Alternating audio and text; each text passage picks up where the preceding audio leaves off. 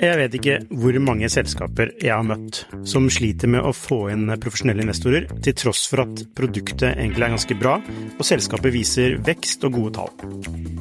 Hvis det er én ting de proffe investorene er på utkikk etter, i tillegg til at du bygger et bra selskap selvfølgelig, er hvordan du håndterer dine aksjonærer, eller ditt såkalte captable, som det heter på startupsk. Et ødelagt captable setter rett og slett en stopper for selskapsutvikling. Unlisted.ai gjør det mulig for selskaper å håndtere aksje- og opsjonsprogrammer, aksjeeierboken, captable og det meste av rettigheter inn mot aksjene i selskapet på ett sted. Prøv unlisted.ai sin gratulasjon i dag. Hei og velkommen til Skifters podkast. Ukens gjest er velkjent for de fleste av oss. Hun har en doktorgrad i offshore vindteknologi. Hun har vært et kjent fjes på TV 2 som værmelder. Hun var også med å gründe Storm Geo, eller Storm Weather Center, het det først? Det het først Storm Weather Center, og så han med navn til Storm, Storm Geo. Mm. Og det ble jo, så vidt jeg kunne se, ble det kjøpt opp altså For noen år siden så ble det kjøpt for andre gang for 3,6 milliarder. Er det sant? Ja, det er sant. Ja. Det er litt kult å starte det. Ja, særlig når jeg starta det med 95 000 av studielånet mitt, sammen ja. med TV 2, da, som hadde litt mer eh, startkapital, men vi starta det med én million kroner, da. Ja. Og så ah, har det blitt en fantastisk historie. Og det skal vi få høre mer om. Og nå leder du klimafondet Nysnø klimainvesteringer. Riktig. Fordi man må si klimainvesteringer. Det heter Nysnø klimainvesteringer, ja. Ja, mm, ja. Husker det var en liten sånn navneeide Ja, du sikter til den, ja. ja med, med snø. Eh, eh, så velkommen, Siri Kalvig. Tusen takk. Veldig hyggelig at du kunne komme. Altså, du har gjort mange ting i karrieren din. Altså, er du sånn person som må gjøre mange ting? Jeg tror det. Um, ja, også det som jeg syns er litt kjekt nå er Hvor gammel er jeg? Jo, uh, 53 år. um, akkurat blitt, ja. Um, at når jeg ser tilbake, så ser jeg jo at det er en rød tråd uh, der. Men det er jo klart, jeg la jo ikke den planen når jeg var ja, 17-18 år. Men så tror jeg veldig på dette å være verdibasert og genuin i de valgene du tar. Og hvis du er, håper jeg, tar verdibaserte valg, så lager liksom den røde tråden seg til slutt. For at verdiene dine ja, skifter jo ikke så lett, da. Nei, men du, altså, hvordan starta det? Altså, du studerte meteorologi? Ja. Geo, eller, ja, eller geologi? Litt sånn alt etter Jeg begynte jeg, jeg, Det kan jo være greit å si at jeg famla litt i starten og var usikker på hva jeg skulle. Jeg var sykt dårlig i, i norsk og sleit litt med lesing og skriving og hadde dårlige karakterer og dårlige ja, resultater, egentlig, på, på noen deler av skolen. Og så kompenserte jeg nok med, med å jobbe veldig mye med naturfag og matte og fysikk, så det var liksom fysikk og realfag som var min greie, da. Så jeg begynte å studere fysikk i Oslo. Gikk over på astrofysikk, og så tok en pause, og så bytta jeg universitet og begynte på geofysikk i Bergen. Og så er da meteorologien egentlig en spesialisering du gjør når du tar hovedfag, som det den gang het, eller mastergrad. Ja, i geofysikk, ja. og så var det da meteorologi. Som er spesialisering. Og husker du da hva hovedfagsoppgaven din handla om da? Å oh, ja, ja. Den, var, den heter vindstress over sjøis. Så jeg Ja, og, ja, og den, den, var veldig viktig for meg, for jeg, den hovedfagsoppgaven tok meg til Svalbard. Så jeg var på Svalbard for 30 år siden, og da var jeg med forskningsskipet Lanse. Og så målte jeg, samla jeg inn data på den flytende sjøisen, da, og så på vindprofiler over forskjellig type is. Is med liten ruhet, is med masse ruhet, eller det heter gjerne ikke masse ruhet, is som er veldig sånn bulkete. Ja, ja. Og så så jeg på vindprofiler nærme bakken, og sendte opp en ballong ca. 1000 meter opp i luften, og så hadde jeg en, en oppgave med å se på vindprofilmodellering. Så hva, hva er vindprofil? Ja, det, det, er bare hvordan vinden varierer med høyden. Ja, nettopp. Om det går raskere eller Ja, vinden jo, går, jo til null, da, helt nærme bakken, så jo større ruhet du har på isen, jo mer friksjon har du, sånn at vinden bremser raskere ned til lave nivåer, da. Hvorfor er det viktig å studere dette? det er viktig for å forstå Den gangen Mm. var det jo ikke så mye øh, øh, vindenergi, egentlig, i verden. Nei. Men akkurat det å forstå hvordan vinden eh, varierer over bakken og over forskjellig terreng, det er jo nå veldig viktig i forhold til å høste energien i vinden. Mm. Så det som jeg syns er så fantastisk, er at den eh, hovedfagsoppgaven som jeg tok for 30 år siden, ble veldig viktig òg i mitt doktorgradsarbeid som jeg tok for ja, er det ti år siden? Jeg, jeg tok jo doktorgrad i godt voksen alder. Eh, så der er det liksom denne røde tråden igjen, Mm. som jeg eh, ikke så den gang. men- Ja, for da så du på offshore vindteknologi. Ja, ja i doktorgraden. Doktorgraden, Ja. Ja, det, da jobbet jeg òg med Mm. vindprofiler, men over sjø, da. nettopp. Men, Så, men det er viktig, det med vind, hvordan vinden varierer. Den gang for 30 år siden så var det viktig for å vite hvordan du skal parametrisere, eller hvordan du skal sette opp værmodeller, for å få best mulig værvarsel. ah, nettopp. Så altså høyden på, på selve sensoren, eller? Eh, Nei, det er mer sånn hva, hvor eh, Hvilken friksjon har bakken, og, og, og hvor raskt bremser du vinden i høyden. Og det er noe du må legge inn eh, når du skal varsle været, da, i disse værmodellene. Ja, for du varsla været på, på TV 2. Det gjorde du ved siden av studien, eller? Ja, Ja. så jeg starta i 1992 på TV 2. Ja, du starta da, da CO2 starta, rett og slett? Ja, Ja, du Ja. var med fra dag én? Ja. Mm. Eh, og da var man jo egentlig vant til litt sånn eh, eldre gubber, husker jeg, på, på NRK. iallfall eldre menn. Ja. Så det var Da var, var det jo én kanal i Norge, altså NRK, og de hadde jo eh, værmenn der. Eh, og så da ble jeg, sammen med to andre, de første damene da som eh, presenterte været. Ja, for jeg husker at TV 2 det kom jo som en kommersiell TV-kanal og skulle differensiere seg. Ja. Så den skulle være mye friskere. Eh, Jeg husker på nyhetene var mye mer friskere, mye mer sånn personorientert. Ja. Mens NRK var litt mer seriøs, det litt sånn seriøse profilen, så fikk TV 2 også seriøst, men var mer sånn underhold, mer fart, og er, liksom- er det riktig beskrivelse av Mm. den? Det er veld, veldig riktig, og jeg, jeg fikk jo lov å snakke på dialekt, så jeg var en av de første som snakket sånn ordentlig stavangendialekt eh, på TV, så det var mye, jeg håper jeg, friskt vi gjorde. Jeg var høygravid på TV tre, ja, to ganger, og, og det var mye nybrottsarbeid. Eh, det var en helt eh, fantastisk tid i TV 2. Det var sånn skikkelig pionerånd. Jeg tror vi Jeg sier vi starta kanalen, men jeg, jeg var jo ikke eh, Jo, jeg føler jo at jeg var med på det, da. All, alle som var der fra 1992, var jo med og, og drog den i gang, så det var Men- fantastisk. Du kjenner kanskje Arnulf Refsnes? Dere kjenner til han? Jo, Ja, ja. ja. Han er jo også gründer. Er det, er det noe, er det, er, altså er det noen korrelasjon mellom det å melde været og bli gründer? Nei, det tror jeg ikke. og, og, og på TV 2 så var det en uh, nyhetsredaktør som heter Bjarne Berg, som uh, jeg uh, Han er død nå, men han var helt fantastisk når det gjaldt å være nyskapende og treffe tidsånder. Og det var nok han som bare sa at de skulle nå ha tre damer på TV 2. ja. Dette, det var jo ikke Altså, det var både menn og kvinner som søkte der, og så valgte de ja, sikkert for å skille seg litt ut, da. Og så satt med en eller annen stil som gjorde at det, det ble på en måte bare værdamer, og da ble det et begrep, da, Mm. eh, Ja. på den tiden. Ikke sant. Og um, du studerte ved siden av uh, jobben, og så ble du, ble du ferdig med studiene. Og da tok, fikk du en litt annen rolle i TV 2, var det sånn? Jeg ble prosjektleder for været, da. Og så jobbet jeg veldig mye med teknologiutvikling og vær, for jeg jobbet sammen med en som heter Petter Ole Jacobsen, som senere var med å, å starte BizRT. Ja, så når du relaterer til dette med gründer- og oppstartsaktivitet, så tror jeg at den der pionerånden i TV 2 var noe som stimulerte til, til enormt mye oppstartsaktiviteter. Vi Det var BizRT, det var Storm Geo, det var et eget nyhetsbyrå, det var Tekst-TV. Camilla Andersen, som jo òg er veldig aktiv sånn eh, gründer og, og eh, innenfor mobilisere kvinner i finans, hun kjenner jeg derifra, og eh, ja, det var enormt mye sprekt som skjedde på den tiden. Så VisRT, for de som ikke kjenner det, det var sånn nyhetsgrafikk, var det ikke det? Ja. Sånn, eller TV-grafikk? Ja, og det var det det var, og de har gjort det stort.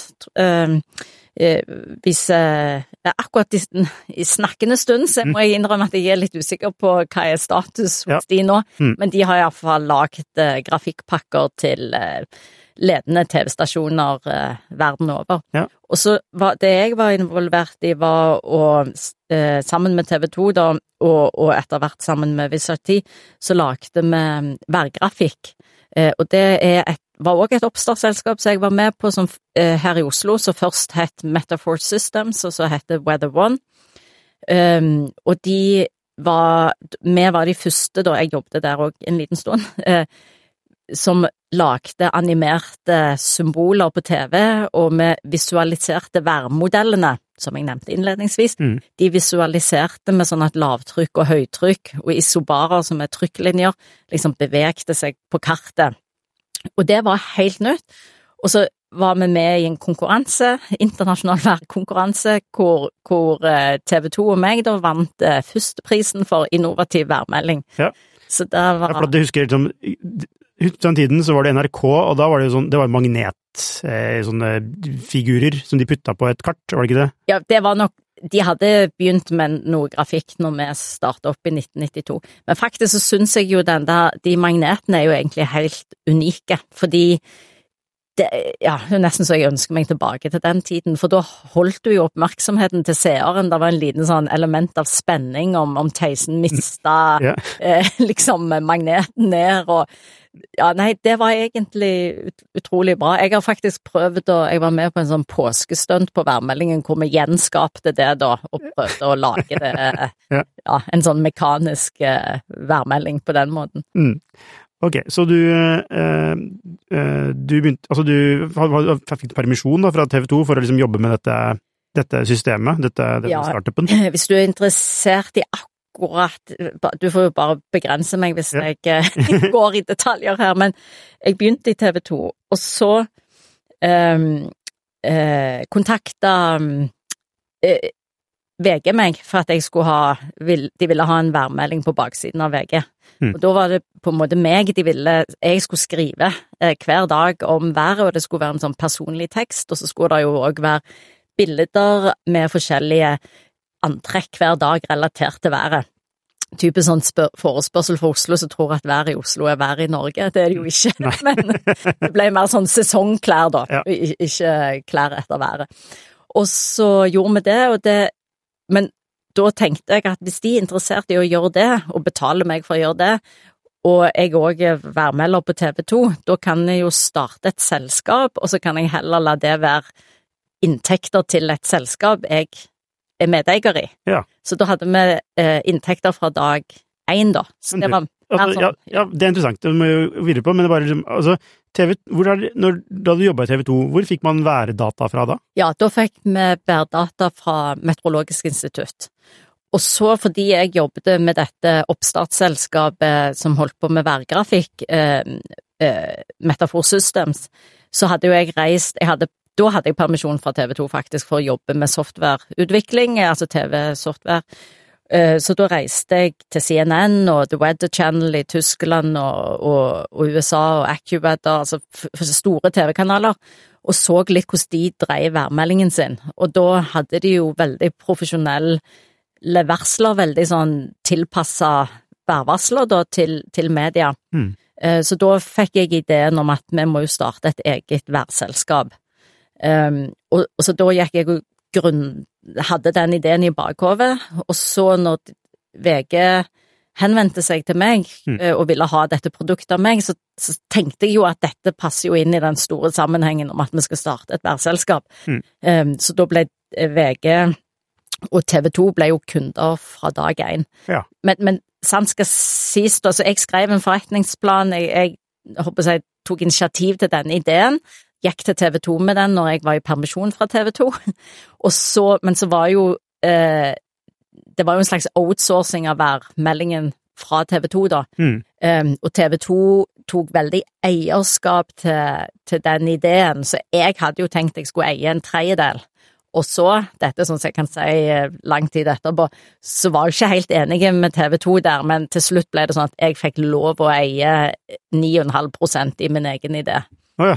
Ja, så jeg har aldri eid mer enn 9,5 Nei. um, Det var disse 95 eh, 000, da. Ja. eh, Startkapital på 1 million. Men altså, det, kan man, det er ett perspektiv, ikke sant? Eh, på et annet perspektiv er at du har jo da to kunder fra dag én.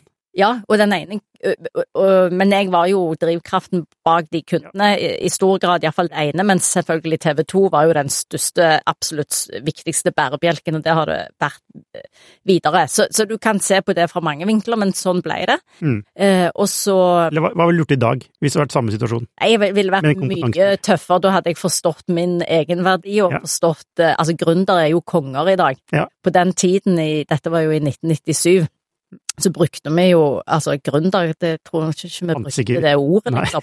Eh, en, Da var det bare tysk ord. ja, ja, en entreprenør snakket vi om. Knapt, så jeg visste egentlig ikke helt eh, hvordan jeg skulle forhandle ordentlig, da. Nei. Eh, men- hvilken prosent ville du gått for i dag, i samme situasjon?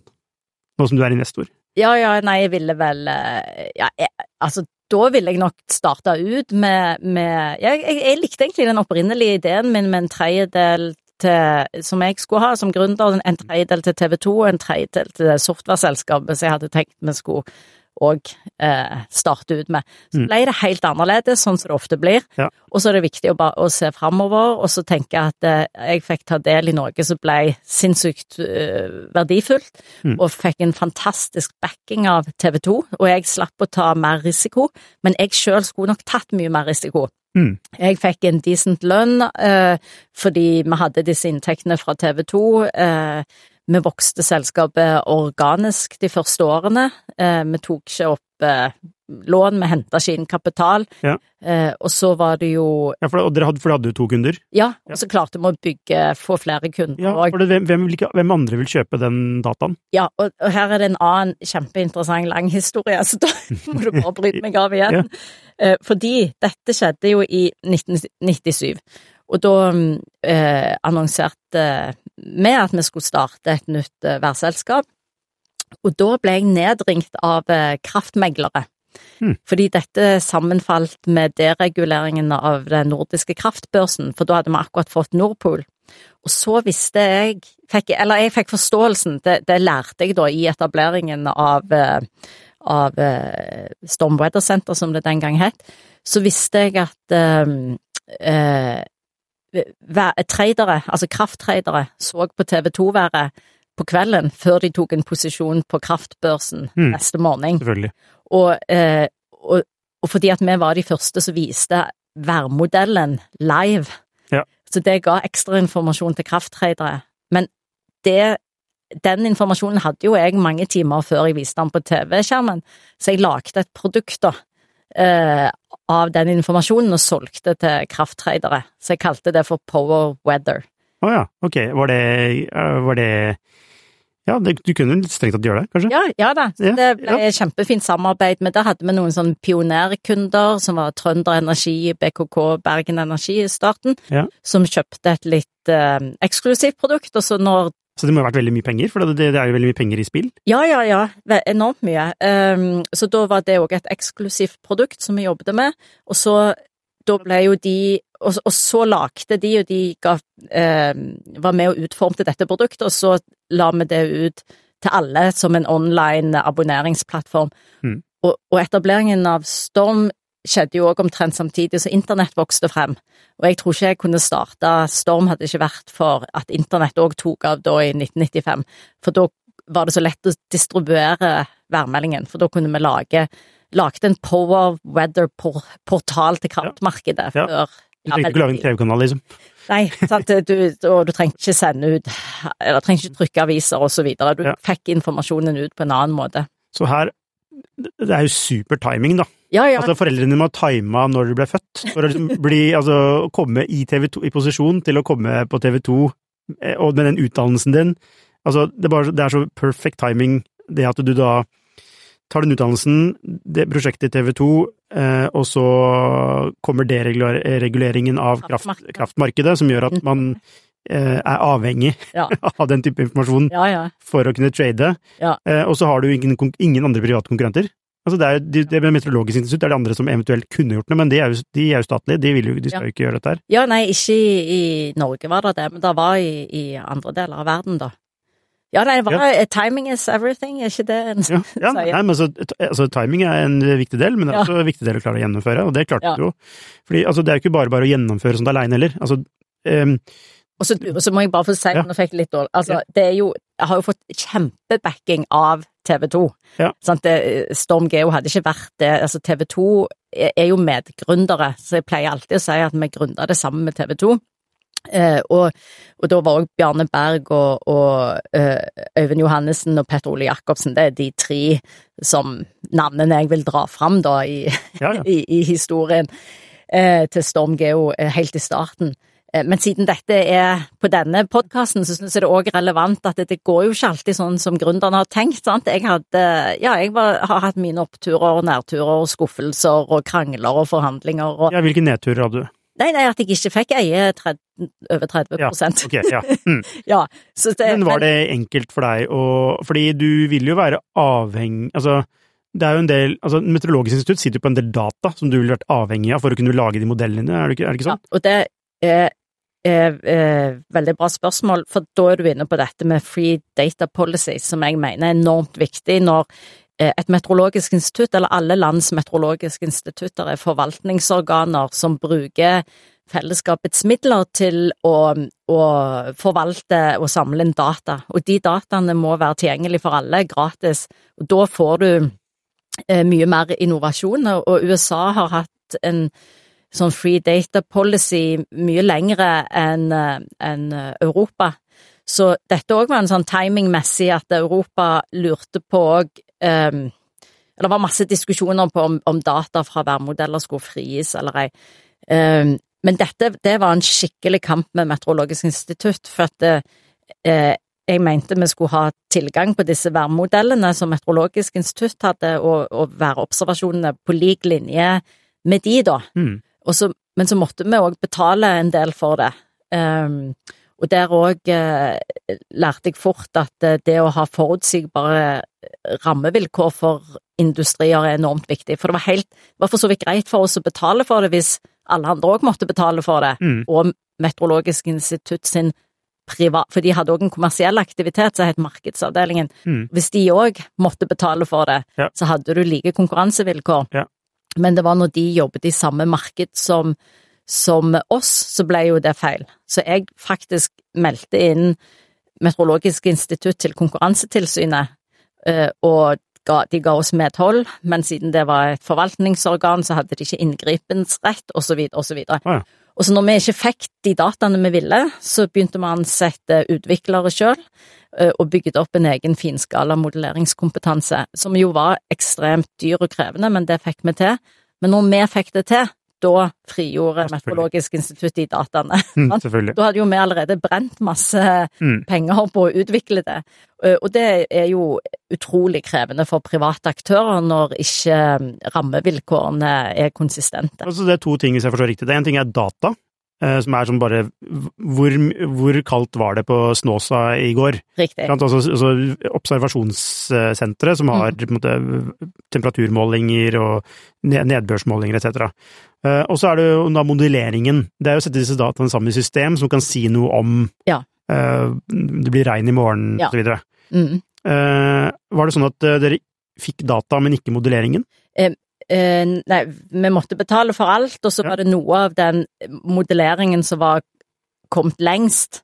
Ja. Den eh, holdt noen meteorologiske institutter for seg sjøl en stund, og så, brukt, så solgte de verdiøkte tjenester basert på den modellen, så holdt de den unna det private markedet. Så du delte ikke data og modeller i riktig eh, timing, da, eller riktig Ja. Mm.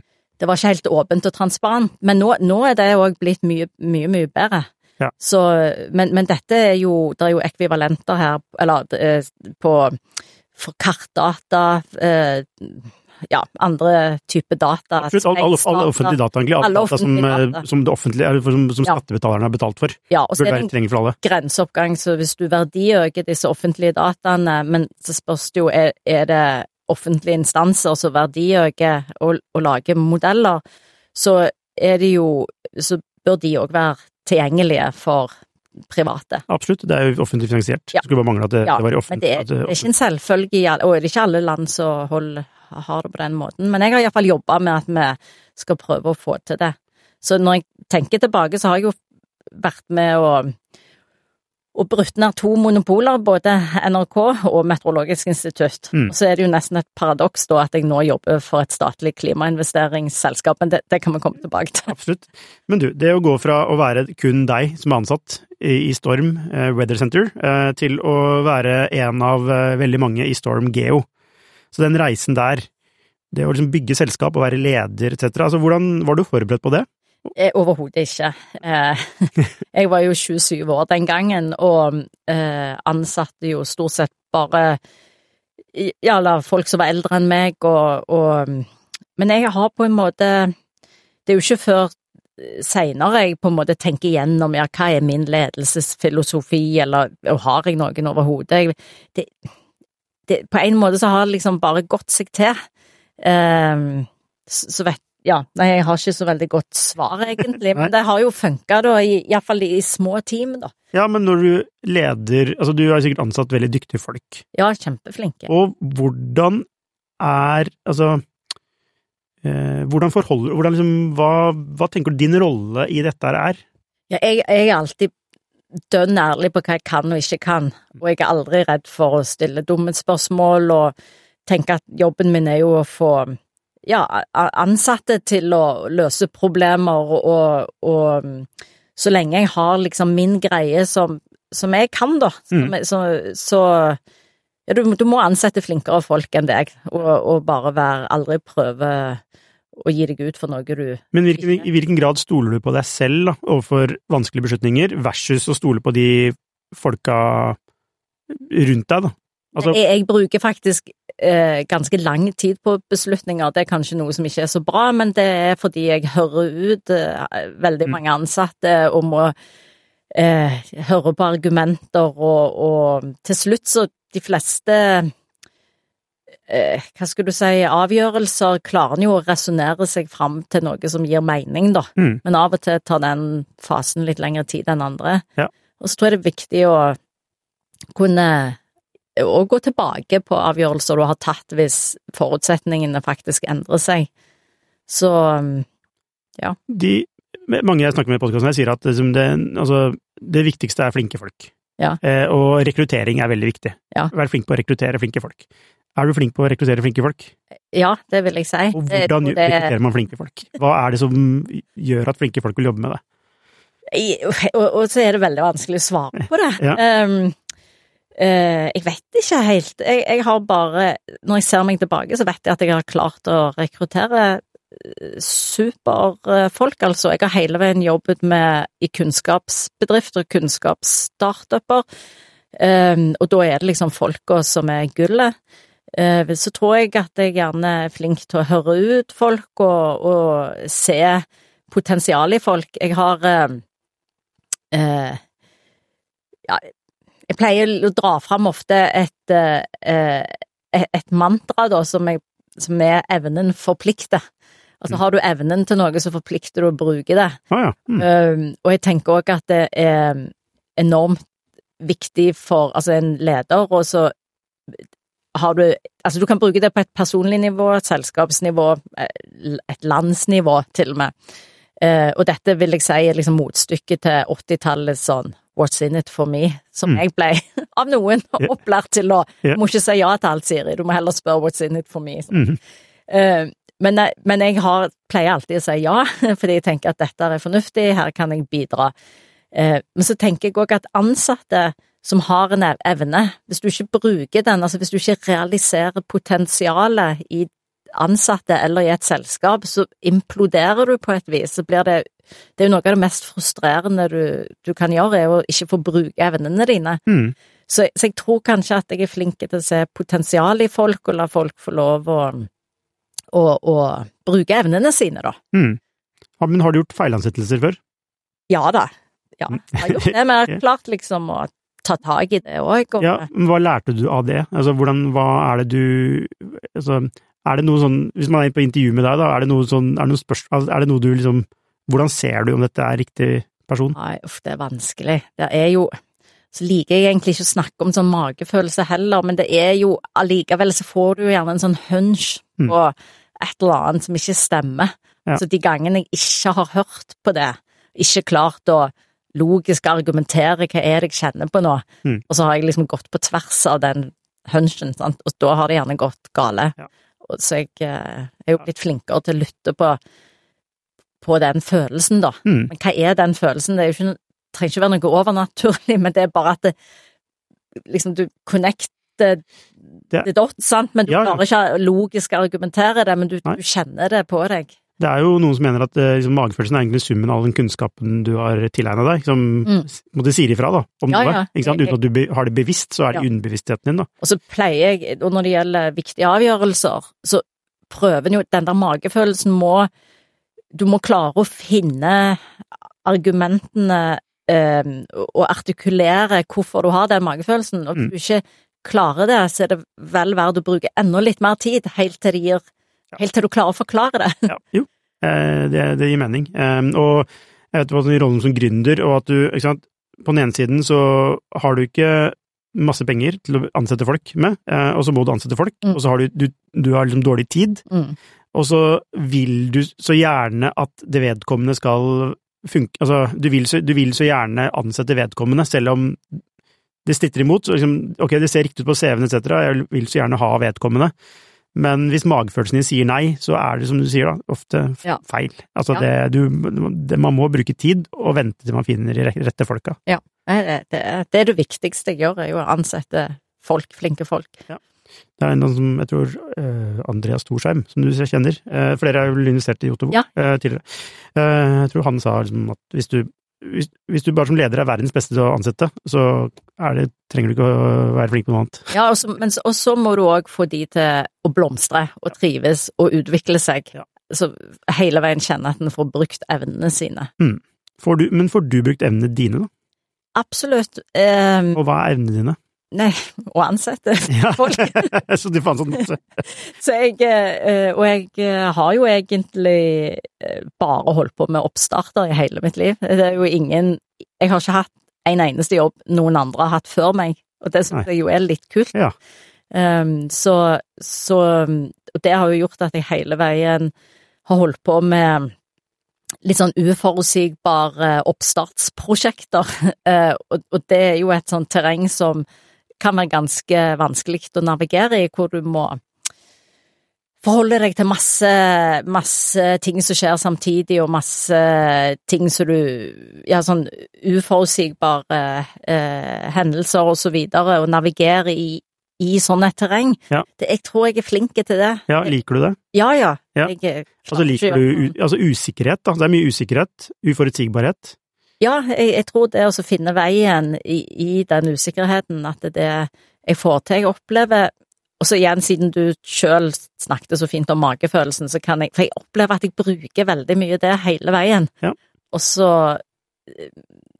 tror jeg jeg senser håper jeg, ting som skjer, før jeg sjøl klarer å logisk forklare det, eller før det står i avisen, eller i Ja. Og det er en eller annen sånn teft evne som ja, som jeg nå igjen nå, får lov å si sånt når jeg er 53 år. Mm. Ja, ja, At jeg tror at det er et eller annet der som har fungert Mm. riktig. Er det, blir det riktig å si, hvis vi skal oppsummere deg, da, at altså, ha, altså gode verdier, eh, de, de styrer deg i en retning, eh, og så er det magefølelsen din som er din, altså all din akkumulerte kunnskap.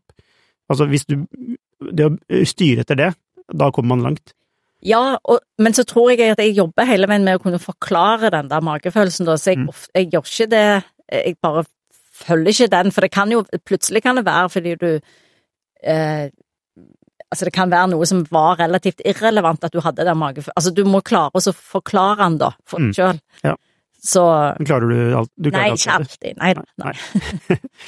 Um, ok, så uh, Men uh, hva var krevende Altså, det er sikkert mange krevende ting, da, med, i, i å bygge Storm, eh, Storm Geo, men var, sånn, var det på noe tidspunkt du tenkte nei, det- nå, dette går ikke? Altså, dette er eh, at du, var, det, liksom, var, det, var det på noen gang stedet på bunnen i det, eller, tenkte, eller var det hele tiden en sånn oppoverbakke?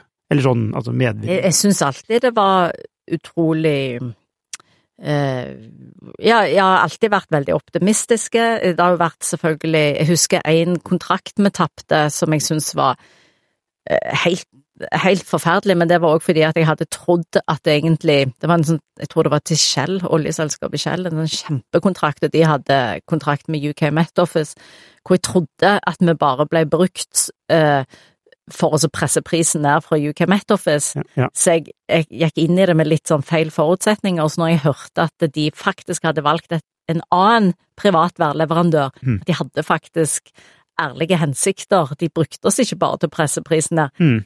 Jeg ble altså så usigelig lei meg. Det, og det tror jeg var noe at jeg, da hadde jeg tatt feil av Da hadde jeg ikke tilskrevet den eh, eh, kunden de ærlige hensiktene de faktisk hadde. Mm. Så det, det gjorde veldig vondt. Det er en sånn ting jeg husker. Eh, en annen ting er jo at det var på en måte et veivalg om, om å vokse.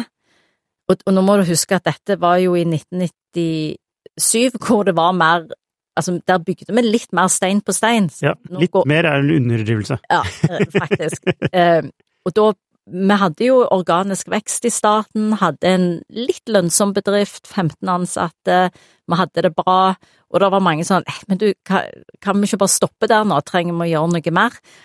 Så kjente bare nei, vi har jo den der driven i meg, men hvorfor har jeg det? Mm. Og da forsto jeg aldri helt hvorfor skal vi alltid videre?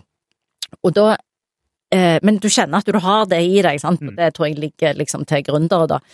Eh, og da bare falt det på plass. Det var en rådgiver, eller en, en, eh, faktisk en logoped i, som heter Henning Karlstad i TV 2, som sa dette til meg, at stillstand er tilbakegang fordi livet omkring er i bevegelse. Mm. Altså så hvis du stopper opp og utvikler deg, Ja. så, så er det noen andre som tar plassen. Så du må liksom, du må vokse, du må ha vekst, men vi må jo få til bærekraftig vekst. Men det var en sånn eh, fin eh, læresetning for meg. Og det som er litt morsomt, er jo at jeg nå nettopp, eh, Guro på jobben, fortalt For jeg vet Jeg har hele veien referert til han Henning Karlstad, og så visste jeg ikke hvor han hadde dette kloke sitatet fra.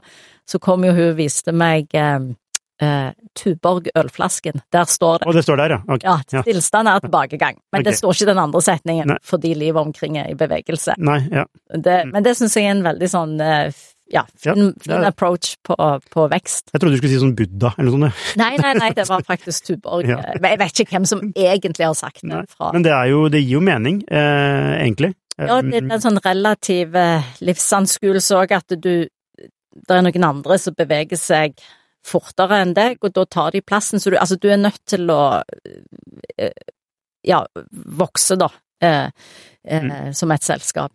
Mm, må være i bevegelse. Du må være i bevegelse Og- og og- utvikling. Men det gir mening, det, altså, fordi at altså, som et selskap da, så har du et marked som du skal selge til. Hvis du står stille, så vil jo markedet vil jo hele tiden utvikle seg. Så Ja. det vil komme nye standarder. Ja, ja, ja. Hvis du ikke er på ballen, så er du ikke relevant lenger, ikke sant. Så, så det gir jo mening å være altså, i sånn markedsperspektiv, at du måtte, må hele tiden Altså, man snakker jo om product market fit, Ja, ja. ikke sant. Men, men det er jo Det er egentlig bare en snapshot eh, fra den Ja. tiden du er Altså, det er ikke den samme product market fitten hele tiden. Nei, nei, du må hele veien utvikle deg. Mm. Og, for, og han som løfta Storm noen alvorlige hakk videre, var jo Erik Langaker, som òg sikkert er kjent for eh, i det økosystemet her, Mm. eh, som gjorde en kjempeinnsats i, i, i Storm. Når han kom inn, men han hadde jo den finansbakgrunnen. Vi var jo bare en gjeng geofysikere og, og ja, mediefolk, da. Ja. Så han hadde den finanshatten på seg, og da begynte vi å, å jobbe mer, eller struktureres mer som en venture. eh. Ja, så hva gjør man da? Altså, for dere- endte opp med at man ble, dere ble vel kjøpt opp av et sånn EPE-fond? Ja, men han da vært det, Ja, men det var før det så var Reiten inne, Ja. og TV2 Invest, Mm. eh, og Erik Langaker sjøl. Mm. eh, DNV har vært, var inne på eiersiden. Så vi, vi etter hvert så Men da, da begynte jeg på den eh, doktorgraden, da, så jeg var ikke med på akkurat de, eh, den veksten like, like aktivt, iallfall. Jeg Men hvilke grep, når han kommer inn, hvilke grep gjør man da for å bli Altså, er det for å bli et mer sånn, kall det et finansielt interessant selskap? han synliggjorde eh, eh, verdiene på en helt annen måte. Vi hadde eh, og hadde en investor investorkommunikasjon og gjorde at vi kunne hente kapital og tok opp lån og Mm. ja, jo, det finansielle håndverket Ja. eh, ble mye bedre. Og så, og så må jeg jo òg få nevne Kent Setner. Jeg kjenner veldig takknemlig for alle som har bidratt på denne stormhistorien. Ja. Mette Krohn Hansen som var leder eh, etter meg, og så var det Kent Setner som, som eh, nå jobber sjøl som ja, investor, tror jeg. Til, tidligfaseinvestor. Um, som òg på en måte tok eh, Storm noen hakk videre. Mm. Men alle investorene som har kommet inn i, i Storm, har jo tjent penger. Så det har liksom blitt solgt Jeg vet ikke hvor mange selskaper jeg har møtt som sliter med å få inn profesjonelle investorer, til tross for at produktet egentlig er ganske bra, og selskapet viser vekst og gode tall. Hvis det er én ting de proffe investorene er på utkikk etter, i tillegg til at du bygger et bra selskap selvfølgelig, er hvordan du håndterer dine aksjonærer, eller ditt såkalte cap table, som det heter på startupsk. Et ødelagt cap table setter rett og slett en stopper for selskapsutvikling. Unlisted.ai gjør det mulig for selskaper å håndtere aksje- og opsjonsprogrammer, aksjeeierboken, captable og det meste av rettigheter inn mot aksjene i selskapet på ett sted. Prøv unlisted.ai sin gratisversjon i dag. og til slutt til Alfa Leval for 3,6 milliarder. Ja, så EQT da på et tidspunkt, og så solgte EQT til Alfa Leval. Ja. Så, og der, de, de er jo en veldig langsiktig investor, sånn som jeg forstår det. Så Mm. der uh, håper jeg uh, Storm Geo får utvikle seg uh, med en god og langsiktig eier. Ja, det var en fin sånn, sånn avslutning av, den, av, det, av det kapitlet. Eh, og så la oss snakke litt om din, altså i ditt investorkapittel. Ja. Eh, så altså, du- starta Du fikk det, du fikk jo muligheten til å opprette Nysnø i var 2018 Ja. ish. Ja, det var 2018, men Ja. det var bare ordet du brukte, at jeg oppre... For den Jeg var første ansatt, men det ble jo oppretta av Næring- og fiskeridepartementet, og det var et styre der Yes. eh, på plass. Ja, Ok, så det, det, ble, altså det, det var vel knytta til Parisavtalen, eh, og eh, var det ikke det? At man skulle altså få ned utslipp? Og Få ned utslipp, og det var jo eh, et politisk initiativ langt tilbake i 2013, tror jeg det var noe Venstre jobba fram. Så det har vært en sånn politisk eh, eh, eh, spill, da, for å få eh, et nytt statlig investeringsselskap etablert.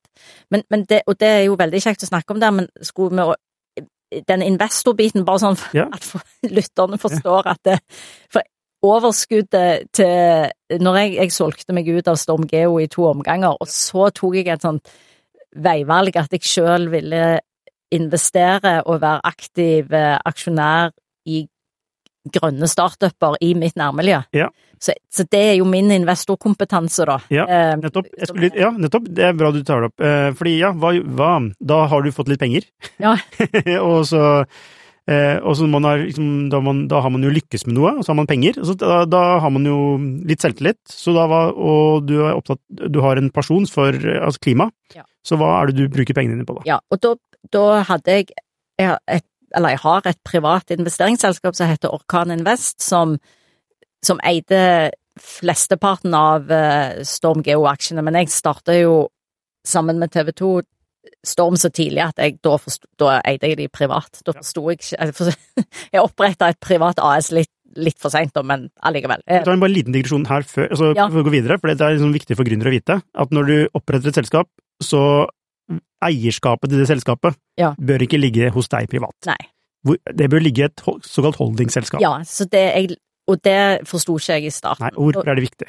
Nei, for da overskuddet som du får ut da, sånn som jeg til slutt fikk jeg jo eh, fikk jeg jo ut overskudd, det kunne jeg jo reinvestere i andre selskaper.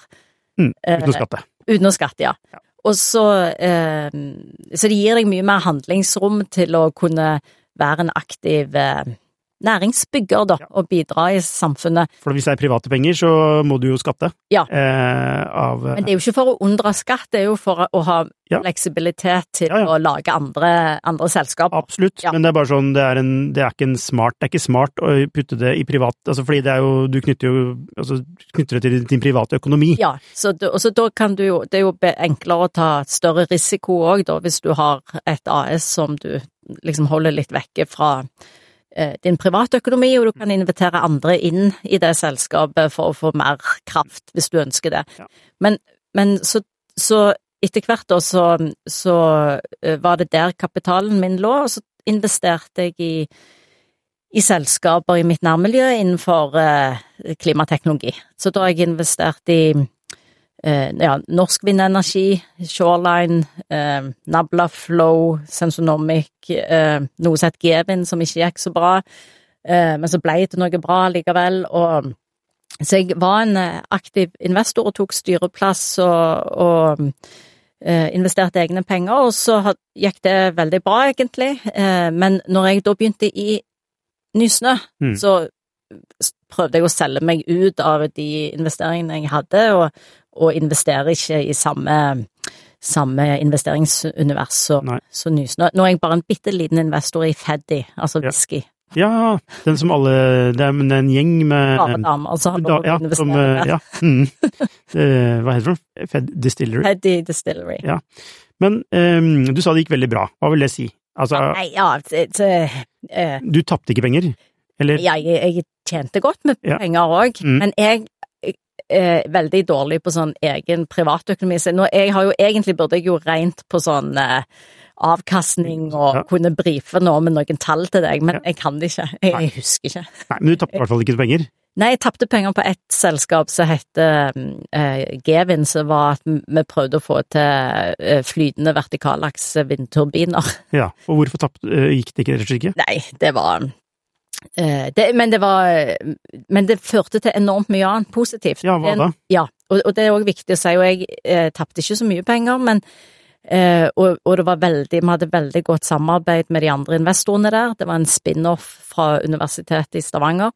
Der var det nok ikke en, en riktig gründer, da. Det var en professor som hadde noen ideer, og all ære til han, han er kjempeflink. Mm. Men du må ha òg altså, noen eh, sånn gründere som går all in. Han, Mm. han var jo professor på UiS. Eh, Men vi visste jo ikke, det var et enormt kapitaltungt løp, og så var jo det stor optimisme. Jeg var med på, eh, det var jo da jeg holdt på med den doktorgraden i, i offshore vind. Da var det stor optimisme i forhold til flytende havvind. Um, og, og så, ja, bare ble det veldig seig materie. Ja. Men vi skulle skalere opp da en ny eh, turbintype. Men det er jo masse sånn lock-in-effekter med etablerte vindturbinleverandører, og det å ta opp kampen med de, det, det ble bare for tøft for oss. Mm. Så vi gikk gjennom en styrt avvikling, og så ble det et selskap som eh, eh, kjøpte dette sel selskapet, da, som ble til Veni i Stavanger Oh ja, nettopp. som tok videre litt energifokus eh, eh, vi hadde i Gevin, eh, og noen av folkene gikk videre. Mm. Men Gevin, det, som- det som vi òg gjorde, var at da eh, vi hadde flere masterstudenter som jobbet eh, med diverse simuleringer og så videre for å se på hva vertikalakse vindturbiner kunne få til. Og da klarte vi å lage eh, eh, Altså, det var opphavet òg til verdens første eh, hybride fiskefòrflåte. Ja. Eh, så Grieg Seafood, basert på en av de masteroppgavene som jeg var veileder på, og som var i sånn Gevin-regi, så fikk en til å eksperimentere med sol og vind og batterier på fiskefôrflåter som normalt er drevet på veldig mye diesel. Mm. Så, så det, er jo masse sånn innovasjonshistorie rundt en òg. Ja. Så det er, og, og jeg kjenner at det, eh, det gjør meg ingenting, og altså de pengene er tapt, helt greit. Eh, Mm. Jeg vet det var veldig mye bra arbeid i kjølvannet av det selskapet. Ja, men mye impact, da.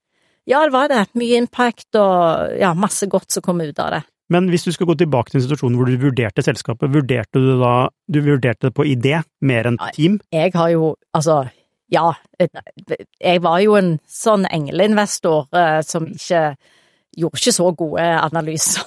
så, så det var eh, Og så var jeg jo med i styrene sjøl på alle disse selskapene, så jeg var jo med og starta, eh, starta de opp, da. Ja. Så det var basert på ideer, ja. Mm, skjønner. Og jeg regner med at når du nå jobber i eh, Nysnø klimainvesteringer, så er det liksom ikke så mye på idé. Nei, nei, nei. Eller Nei, hvordan eh, eh, Forklare hvordan, eh, hva slags selskaper er det dere investerer i? Ja, Nå er vi på det kapitlet. Ja. Eh, Vi investerer i selskaper som eh, bidrar til reduserte klimagassutslipp i framtiden. Og så investerer vi i selskaper, og vi investerer i fond. Og så skal det være tidlige selskaper, altså, men, men det kan være alt fra veldig tidlig til eh, vekst, eller growth-fase. Men alt skal være unotert. Ja. Så, så vi investerer i initielt, men vi kan følge selskaper på børsen. Mm. Så, og det har vi jo gjort med Otovo. Ja. Ikke sant? Så, så der er dere faktisk eh, fortsatt inne? Ja. Men når det, når det er Men det er ikke, da er det jo notert? Ja, men vi har lov å eh, Vi kan eh, agere Altså, vi agerer som en finansiell investor når vi sitter inne eh, i et selskap på, på børsen, så vi Ja. blir ikke tvungen ut på noe som helst vis. Nei, skjønner. Men, men egentlig så er jo jobben til Nysnø gjort før Altså, hvis et selskap er klart å noteres, ja. er, har egentlig vi Ja. gjort jobben vår. Ja. Men det er jo mange For da selskaper trenger, de, da trenger de strengt tatt ikke dere for å komme seg videre. Nei, sant. Det er iallfall hypotesen. Men vi har jo ikke lyst til å selge vår andel hvis vi ikke mener vi får ok igjen for den, da. Ja, fordi her kommer jeg inn på noe sentralt, da, og det er det strategiske rasjonalet. Altså, altså grunnen til at dere eksisterer, er jo for å få mer klimateknologi som reduserer utslipp, ikke Ja, sant? ja. Så det er, det er hovedgrunnen, men det er også et finansielt aspekt. Dere skal Ja. tjene penger på det. Ja, så vår eier eh, måler oss på høyest mulig avkastning over tid innenfor bærekraftige rammer. Mm. Dette. Eh, og måten vår eier eh, Det vil si staten. staten ja, styrer og eh, gir oss et mobiliserende mandat, da, er at den har definert et eh, klim... eller et investeringsunivers som er begrensa. En privatinvestor kan jo investere der de sjøl mener de er fornuftige og høyest mulig avkastning, og i geografier som en mener er fornuftige. Vi er nødt til å investere i selskaper og fond med virksomhet i eller ut fra Norge. Det er den ene begrensningen, altså geografisk begrensning. Og så har vi en begrensning på fase, det må være tidlig fase, ikke notert. Og så har vi en begrensning på investeringsuniverset, som må være klimateknologi. Ja. Så da er det mange begrensninger på vår kapital, så, men innenfor det lukka universet der, da, så må vi eh, maksimere avkastning. Mm. Men har ikke dere også investert i utenlandske fond? Eh, ikke, ja, altså, ja, men de har en link til Norge. Så vi har fått for eksempel eh, Energy Impact Partners og Arctern til å etablere kontorer i Norge. Ja. Og vi har investert i et eh, hydrogenfond globalt som har investert i fire norske selskaper. Mm. Og jeg tror vi, hvis jeg husker tallene riktig, så bare sånn røftlig har vi investert eh, Er det ca. 600 millioner nå, altså som er eh, ikke forplikta, men investert til fond, Mm. eh, som har mobilisert 13 milliarder, og av de så er 6 milliarder investert inn i norske selskaper. Ja. Så det er en fantastisk sånn multiplikatoreffekt når vi investerer Hvordan, det må forklare hvordan du regner. Altså, hvordan, eh, altså, dere har investert 600 millioner, som har da stimulert til Ja, og så det, dette er i fond, så hvis du samler da den totale størrelsen på de fondene, Ja. så var det tallet Nå er jeg ikke sikker på om jeg Nei, nei. husker tallene, Men- men, men- sånn størrelse, bulk figures, Mm. så 13 milliarder, mm, og av de 13 milliardene så eh, har vi talt opp hvor mange eh, av de er investert inn i Norge, mm, så da er 6 milliarder av de investert i Norge. Så da kan du si at vi har vært med med de 600 millionene, vært med å mobilisere 6 milliarder i, et, i det norske økosystemet. Riktig. Så det, så, og, og dette er veldig kjekt at jeg kan få snakke om dette, fordi det tar litt tid å forklare strategien bak fondsinvesteringene våre, men vi mener at hvis vi nå skal få til eh, et næringsliv som er mer diversifisert i Norge, vekk fra råvare til mer teknologi- og kunnskapsbasert økosystem, som har en enda høyere andel av eksport, sant? det må vi. Og så det, det gjelder for alle sektorer, men, men så har jo vi bare det grønne mandatet, da. Da må vi klare å, å selge eh, internasjonalt. Sant? Alle de selskapene vi investerer i, må skalere internasjonalt. Mm. Markedet i Norge er altfor lite. Og hvis du skal skalere internasjonalt, så er det veldig Ofte er det veldig nyttig å ha en internasjonal investor på captable. Altså, Mm. det er har du en internasjonal, eh, gjerne sånn nisjeinvestor med deg, som kjenner markedet og kundene i for eksempel Tyskland eller i USA, hvis det er der du vil inn, så hjelper det deg til å skalere. Så vi jobber veldig sånn aktivt med å få toneangivende internasjonale investorer til å investere i Norge, fordi vi tror det er veldig lurt at norske selskaper har internasjonale eiere, Mm. eh, eller deleiere, hvis de skal internasjonalisere seg. Mm. Og, ja. Ja, men er det sånn, når dere investerer, er det sånn at eh, dere, må, dere matcher privat kapital, eller kan dere bare investere uten å måtte matche? Nei, eh, vi bruker ikke det begrepet, for da høres det ut som vi ikke gjør egne analyser. Så vi Mm. Analyserer jo eh, alle selskapene vi investerer i eh, eh, godt. Eh, noen ganger lener vi oss på andre sine vurderinger, andre ganger så er vi lead-investor og, Mm. og, og gjør en, en veldig detaljert analyse som vi gjerne deler med andre investorer igjen. Så der er vi Det kommer helt an på.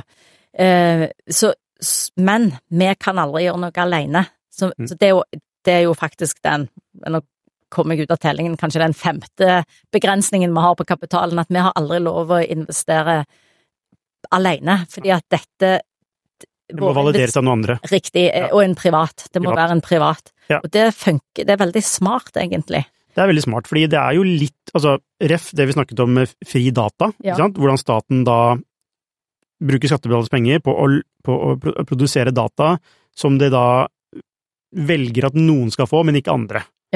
Altså det er jo en sånn, altså det er en utfordring med, med det, eller en Mm. potensiell utfordring med det.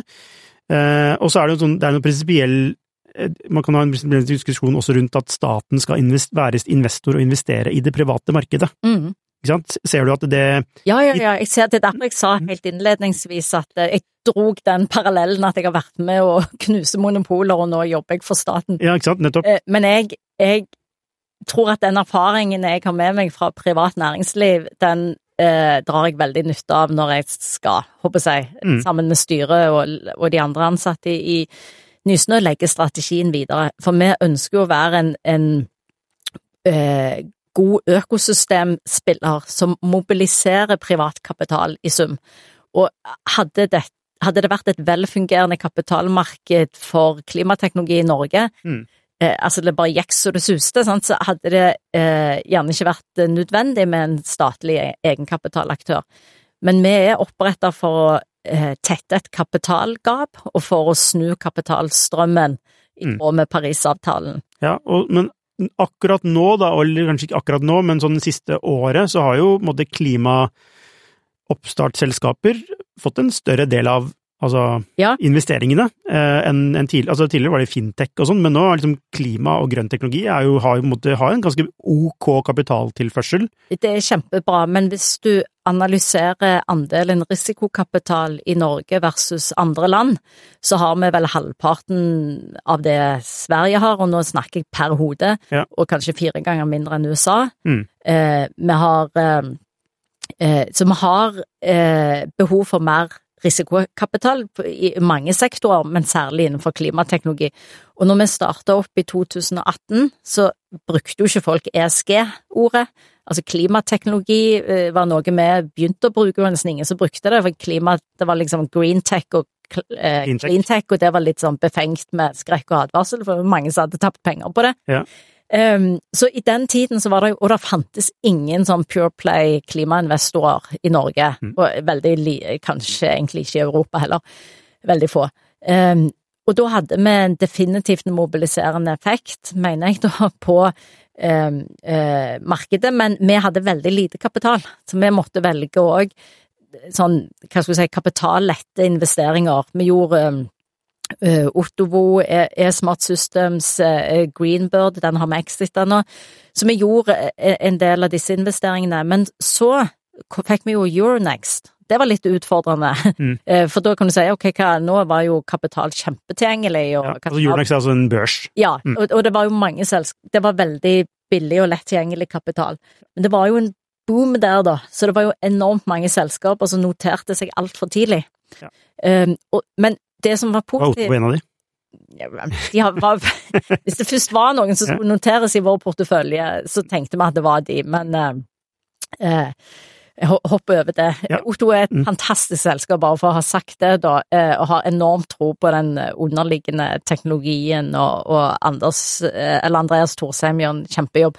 Så, så, så der eh, Ja, vi backer fortsatt selskapet, da. Mm. Så, eh, men så men det var andre selskaper i vår portefølje som vi tenkte det er altfor tidlig å være på Euronext. Eh, eh, så og heldigvis var det flere av de som ikke ble lista, um, for du fikk en enorm eh, korreksjon på de selskapene der. Men nå snakket jeg meg litt vekk. Hva var den røde tråden her nå? Ja, hva var den røde tråden? Eh, det var jeg som ødela den. Uh, Jeg begynte å tenke på Otto. jo, nei, du, du, du snakket om var at, det, det, var- at Euronext var et problem. Fordi, ja, nå husker jeg det. fordi Ja, nei, det var ikke et problem, altså, men eh, det er jo det, det var i hvert fall mye tilgjengelig kapital. Da. Ja, ja. Og, da, og, og så ble også ut av eh, koronapandemien så kom det jo sånne stimuleringspakker, men som òg fremma grønn omlegging. Det var EU veldig fokuserte på, og, og, og det var kjempebra i EU, sånn på verdensbasis. Så ut av korona så fikk jo og klimatrusselen ble bare mer og mer tydelig, så nå har jo finansmarkedene virkelig skjønt alvoret, og nå er det en utrolig appetitt da på eh, ja, eller iallfall mer appetitt på, på klimateknologi og, og ESG. Em, så, men da er det jo oppgaven som en statlig investor er jo å prøve å analysere men hvor er kapitalgapet nå? Mm. Og, og det er fortsatt lite risikokapital i Norge òg, eller for lite enn det vi skulle ønske til en del sånn eh, ja, lett skalerbare selskaper òg, men der det òg er veldig vanskelig nå, er jo i det vi kaller det industrial venture, noen kaller det infrastructure startup. Altså det å skalere opp hardware. Ja. Sant, at du må Jeg pleier å si Så investor holder seg unna hardware. ja, det er litt for mye, og, og sant, du løser jo ikke klimaproblemet oppe i skyen. Det, det er liksom ikke ehm, Altså, du må stikke spaden i jorden, og så bygge nye grønne verdikjeder. Og det er liksom en annen tøff du, mener, reise. så det, du sier at det er områder innenfor deres, deres område? Altså det er um, nå områder som trenger investeringer, som ikke får det? Ja. Altså det er uh, en Altså Ja, ja, ja. Ja. Nei, Så, vi prøver jo da hele veien lete etter hvor er det neste kapitalgapet? Mm. Eller hvor er kapitalgapet? Hvor kan vi gå inn i litt sånn tunge områder som ikke så mange investorer har lyst til å være? Ja. Uh, og det er jo kjempe men, men vi står jo i en kjempespagat, det er jeg he helt ærlig på, for at eh, vår eier måler oss på høyest mulig avkastning, samtidig skal vi gå der eh, ikke er så populært. Nei, og da må man jo også se litt mer til utlandet, da. Ja, men, Og men link, til ja, du må tenke, du må jobbe veldig Fordi du sa det er Du må jobbe Norge. smart med, Ja, men, ja. med å, å lage synergier og, og med på en måte fondsinvesteringene våre må støtte opp under det vi ønsker å få til i Norge, Ja. og med klima. Og, og Men- klima er Men klima er jo ikke, det er jo ikke et norsk problem. Nei, nei, det er jo et globalt problem, så, så sånn sett, jeg skulle gjerne hatt mye friere globale handlingsrom, da. Altså, ville ikke, hatt, altså, ville ikke det hatt mer impact? Absolutt. Altså, Så hvorfor kan man ikke bare være ærlig og åpen på det? Jo, men jeg er jo hele veien lojal til de vedtektene vi har, og jobber. Min, oppgave er jo bare eh, levere på det. Ja, det forstår jeg. Så derfor så, men det er jo klart, eh, verden sett under ett Mm. trenger helt sinnssykt mye kapital inn i klimateknologi, og der Altså- har jo Norge en kapitalmuskel som vi gjerne ikke bruker godt nok. Ja, altså, Norge, Norge vi driver med bistand, ikke sant? Eh, kunne man ikke tenkt at man skal eh, Altså, beste måten å bekjempe eh, altså, klima, altså utslipp på, det er å skape nye selskaper som kan løse disse problemene vi har. Eh, fleste, altså 90, jeg vil si at 99% av de befinner seg ikke i Norge, eller kanskje 90% av de, nå, nå nikker du, bare så jeg, for de som ikke hører på, eh, befinner seg jo ikke i Norge. Eh, Så hvorfor ikke, som, hvorfor ikke bruke pengene der du får mest impact, på klima, som er et verdensproblem? Eh, Svar på det, var- Kalvik. Ja, men jeg syns det var et glitrende forslag fra deg. Så, eh, og, og så er det jo klart at eh, Norge investerer jo masse internasjonalt. Oljefondet gjør jo det, og vi har jo Norfund òg. Men de har jo sine, jeg håper jeg, mandater, og veldig mye av den teknologien vi trenger for å nå Parismålet, for å bli et eh, nullutslippssamfunn, eh, ja, er ikke skalert opp ennå. Så du trenger, og du, da trenger du tidligfasekapital, risikokapital, som Nysnø holder på med. Du, et spørsmål. Eh, hvis jeg hadde hatt veldig mye penger, kunne jeg investert i Nysnø? Dessverre. Hvorfor ikke det? Dere er statlig, dere er bygd på statlige penger, dere gjør DD basert på statlige penger. Hvorfor kan ikke jeg bruke den informasjonen for å gjøre investeringer? Ja, der var det en annen god idé du hadde. Nei, vi investerer jo sammen med, med privatinvestorer, så hvis du var en privatinvestor, så ville du jo investert sammen med oss. Men vi har ikke, håper jeg, vi kan ikke forvalte andre sine penger. Vi forvalter jo egentlig alle sine penger da, gjennom, for det er jo bottom line. Men hva vil være problem... Altså, jeg vil tenke at eh, Altså, Nei, Mitt det, poeng da, er jo at det- var bare strukturen og Ja. ansvaret, for det vi holder på med er jo høy risiko. Ja. Sant? Så det ja ja, så, men, men det er jo investorer som er glad i risiko. Ja da, Nå-. Jeg, jeg er verken glad i risiko eller mye penger, så, så jeg er ikke den inni. Men altså, investeringsfond er bygd på den måten at det er et fond med noen som eh, lager et fond, Mm. og så går de ut da for å hente penger fra Mm. såkalte eh, LP-er, Ja. altså Limited Partners, så, mm, eh, som putter penger inn i fondet. Eh, nå får jo dere penger fra staten eksklusivt ja. for å investere.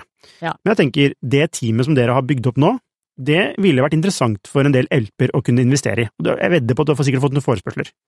ja, eh, og så har vi Men så kan vi ikke gjøre det i dag, for da er vi Men kunne man, altså, for å unngå den prinsipielle problematikken rundt at staten skal investere penger, eh, hvis man har dette virkemidlet da, som er Nysnø, hvor, hvis, det er, hvis det er tilgjengelig privat kapital, hvorfor kan ikke den private kapitalen ta over da, eh, statens penger inn i Nysnø? Jo, men istedenfor at du som Hvis du var en privat investor som investerte som var en LP i Nysnø, så Mm. måtte du betalt management fee. Mm. Nå tar egentlig staten hele den risikoen for deg, og så investerer vi heller ved siden av private investorer. Ja, så det blir billigere, på en måte. På en måte, Mm. så også mindre Ja. Og så, eh, så trenger vi jo ikke konsesjon, eller med, det er jo Vi er et statlig AS som er helt autonom. Og, Så, eh, og det er òg veldig viktig at staten, for der ser jeg òg det er mye håper jeg, litt sånn, Debatten går på at staten ikke skal velge investeringer.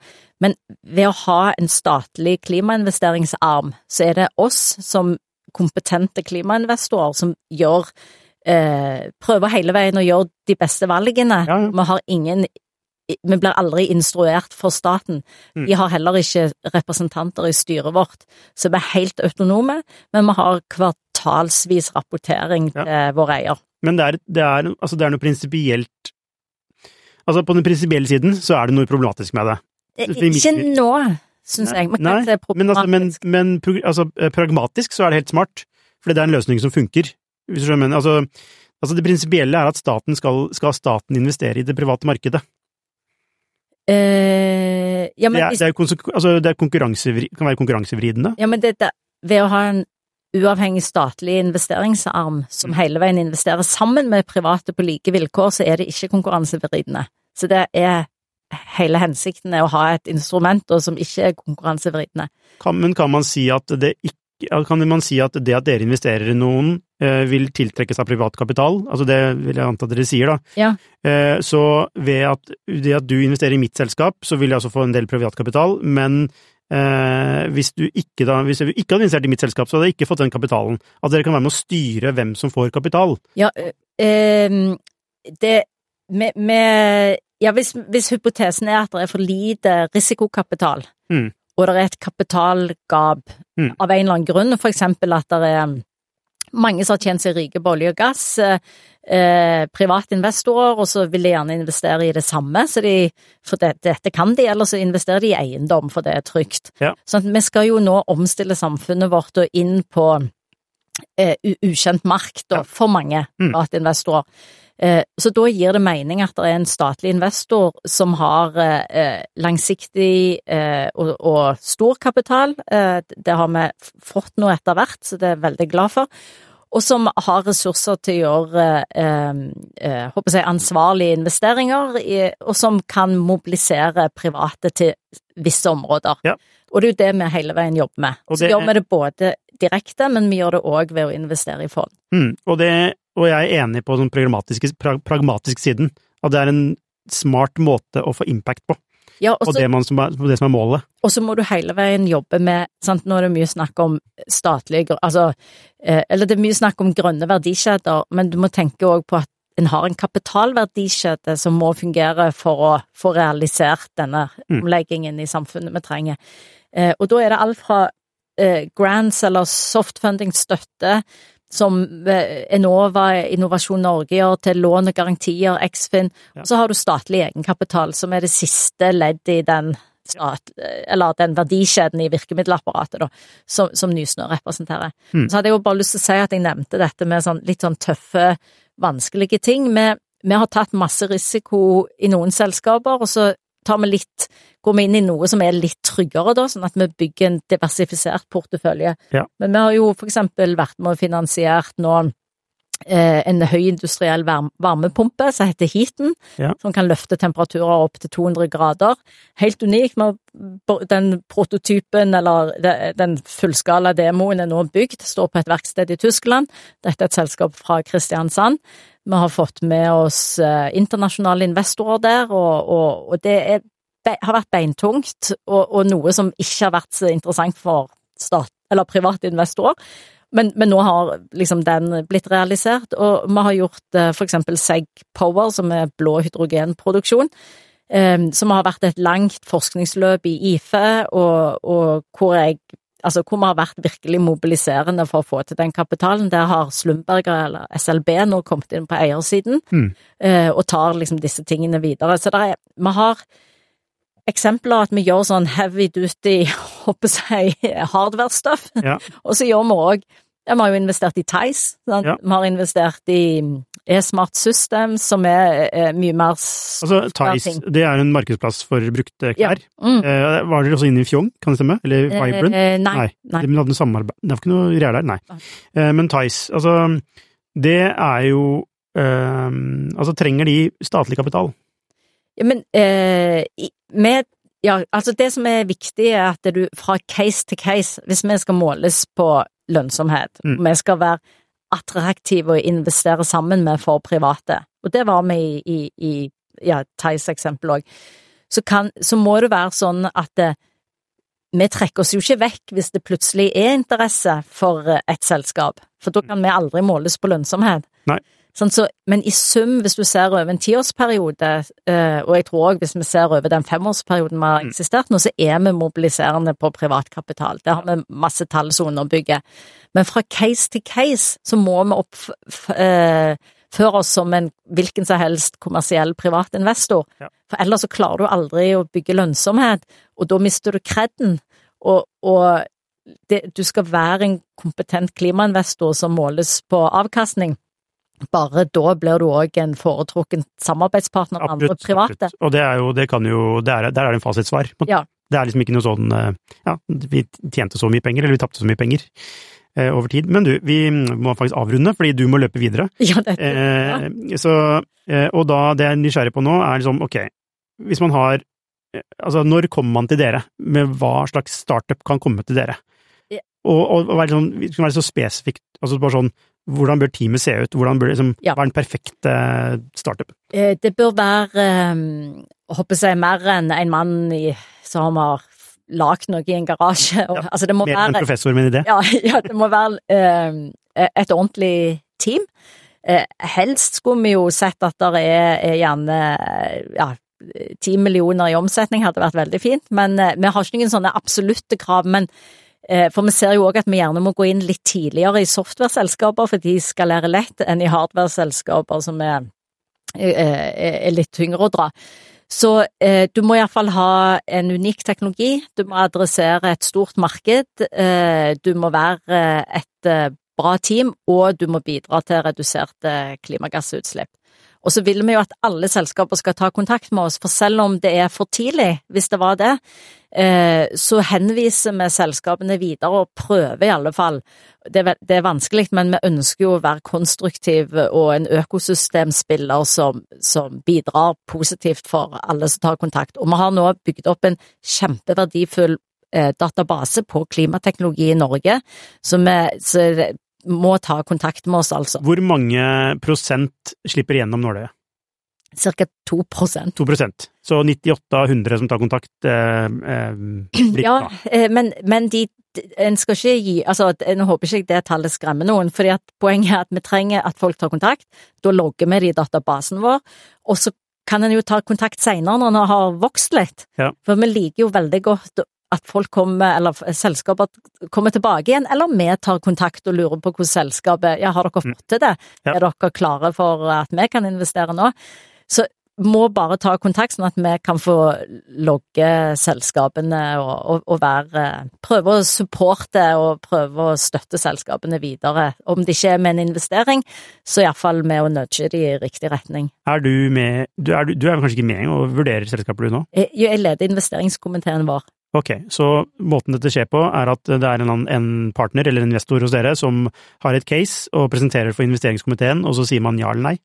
Ja, og eh, så er det jo en lang Det er jo en tunnel, eller en Mm. funnel, vi har først en, eh, en sånn lettbeinte investeringskomité, og så når det liksom modnes fram og vi har gjort, gjort ordentlig DD til et visst punkt, så gjør vi en, en fullblods eh, investeringskomitémøte, som er ganske formelt. eh, Ja. Og så når vi, eh, hvis du kommer gjennom det nåløyet, så må det òg løftes opp til styret vårt. Oi. Så styret vårt har, eh, for alle nyinvesteringer, så har styret det, vårt det avgjørende ordet. Hvor ofte sier styret nei? De, der, de har ikke sagt nei så ofte, men de Har de sagt nei i det hele tatt? Uh, Vi har hatt eh, Jo, de, altså, men det har vært mer enn sånn at eh, Nei, dette må vi komme tilbake med. Ja. Ja. Så, og, og så har vi gjerne òg Så deres rolle er jo å bare passe på at vi er eh, Av gode begrunnelser? gode begrunnelser, at vi holder oss innenfor mandat og videre. Hvis vi har gjort finansiell modellering, så er det ikke sånn Det blir jo uhensiktsmessig om en mener at det, eh, ja, det, det kommer av feil eller et eller annet. Altså det går jo ikke så langt ned i grøten, men de har reelle, gode vurderinger og eh, argumenter eh, Ja, vi får virkelig testa investeringene våre på styret vårt, men hvis vi er i tvil, så tar vi òg en tidlig eh, avsjekk med styret, da. Mm. Så målet mitt er jo at, eh, at vi skal få igjennom At det skal være så bra arbeid vi har gjort at når vi leverer det til styret, så er det litt sånn ja. Hvem sitter i styret? Eh, Det er Egil Herman Sjursen, er styreleder. Han er òg i Norges Banks styre, tidligere leder av Holbergfondet. Eh, Det er Klaus Moen, professor på UiS. eh, Mariann, som sitter i IFE. Vi har Ingrid fra Det er vanskelig. Jeg, Eveny, er det det ja, ja. Tidligere PKK. ja, Mm. og Per Arne fra Ja, som har vært Ja, som òg er investor eh, sjøl. Mm. Ja, nå ble det fornavn og etternavn litt hulter. Ja, ja. Men eh, vi har et veldig kompetent styre. Det er i styre. hvert fall mangfoldig i kompetanse. Det, ja, ja, ja, og der gjør eh, NFD, altså Nærings- og fiskeridepartementet, en, en eh, fantastisk jobb. Altså, de, det tar de kjempeseriøst. De, når de eh, oppnevner styret, for det er jo de som oppnevner styret, eh, så gjør de en skikkelig vurdering av hvilken kompetanse trenger Nysnø i, i styret. styret. Du, helt til slutt, hva er det som holder deg våken om natta i den jobben du har nå? Um, jeg våkner uh, Hvis det er sånn prosesser så, beslutninger som ikke er tatt, eller pro prosesser jeg må gjøre, så våkner jeg ofte midt på natten og har gode ideer og finner løsninger på ting. Okay. Det er jo veldig Så du, du ser frem til å våkne på natta og ha løsningen? Ofte så, så er det veldig sånn da er jeg kreativ, men det er jo litt kjipt når jeg ikke får sove, da. Ja, men har dere gjort noen feil av investeringer? Altså sånn eh, At man har gjort feil, ja. Ja, altså en ting er å gjøre feil, altså en ting er måte å gjøre noe, og så var det en dårlig avkastning. Altså det tenker jeg ikke er en feil, men, men at du har gjort noe feil i prosessen som har ført til, en feil investering, da. Jeg, jeg, jeg har gjerne, vi gjør jo sånn vurdering på ting som gjerne ikke utvikler seg sånn som vi vil, så gjør vi en vurdering. Hva kunne vi gjort noe annerledes? Så det er jo vi hadde undervurdert eh, hvor vanskelig det var å skalere opp en teknologi. Altså, ja, jeg vil jo si at vi gjør feil, men vi har ikke gjort sånne eh, prosessuelle feil som, eh, som er graverende eller noe sånt har vi ikke gjort, men vi, vi selvfølgelig med Ja, alle feil. Alle gjør jo ikke feil. Ja, ja. Eh, Nå, nå tenker jeg mer på sånn, altså er det ting du måtte har lært noe av? ikke sant? Er det noe sånn ah, dette burde vi ha selv, ikke sant? Dette, dette gjør vi til et prinsipp, faktisk. Ja, det er jo òg det at hvis vi får denne litt rare følelsen på teamet, Mm. men hvis teknologien er bra og alt, men det er noe som skurrer, Med teamet, ja. og så er vi så Da må vi ta det alvorlig, altså. Mm. Det, sånne ting går ikke vekk av seg sjøl, og det er veldig krevende å, å jobbe med å endre team, da, for en investor som Nysnø. Du, Siri, du spurte meg før vi begynte å ta opp hvor lang tid pleier dette å ta, så sa jeg sånn rundt 45 minutter. Nå er vi på 1 time og 17 minutter. Ja, det var helt sykt. Og tenkte at 45 minutter, hvordan skal vi klare å snakke så lenge? Ja, det var ikke noe problem. Du, eh, tusen hjertelig takk for at du kunne komme, og så ønsker jeg deg masse lykke til videre med klima, nye, altså nyinvesteringer. Eh, em, eh, Nysnø! ja, Nysnø Eh, klima og nyinvesteringer. Det, det kunne man kanskje Ja. Eh, uansett, lykke til med det. Og så er det sånn at tror du at du kommer til å starte et nytt selskap i fremtiden? Jeg har Nå tenker jeg bare på Nysnø. Det er et godt politikersvar. Du har blitt godt skolert. Så, men igjen, tusen takk, og lykke til videre. Hei, hvis du likte denne episoden, så abonner på den, og gi den gjerne en femstjerners rating med dine tanker.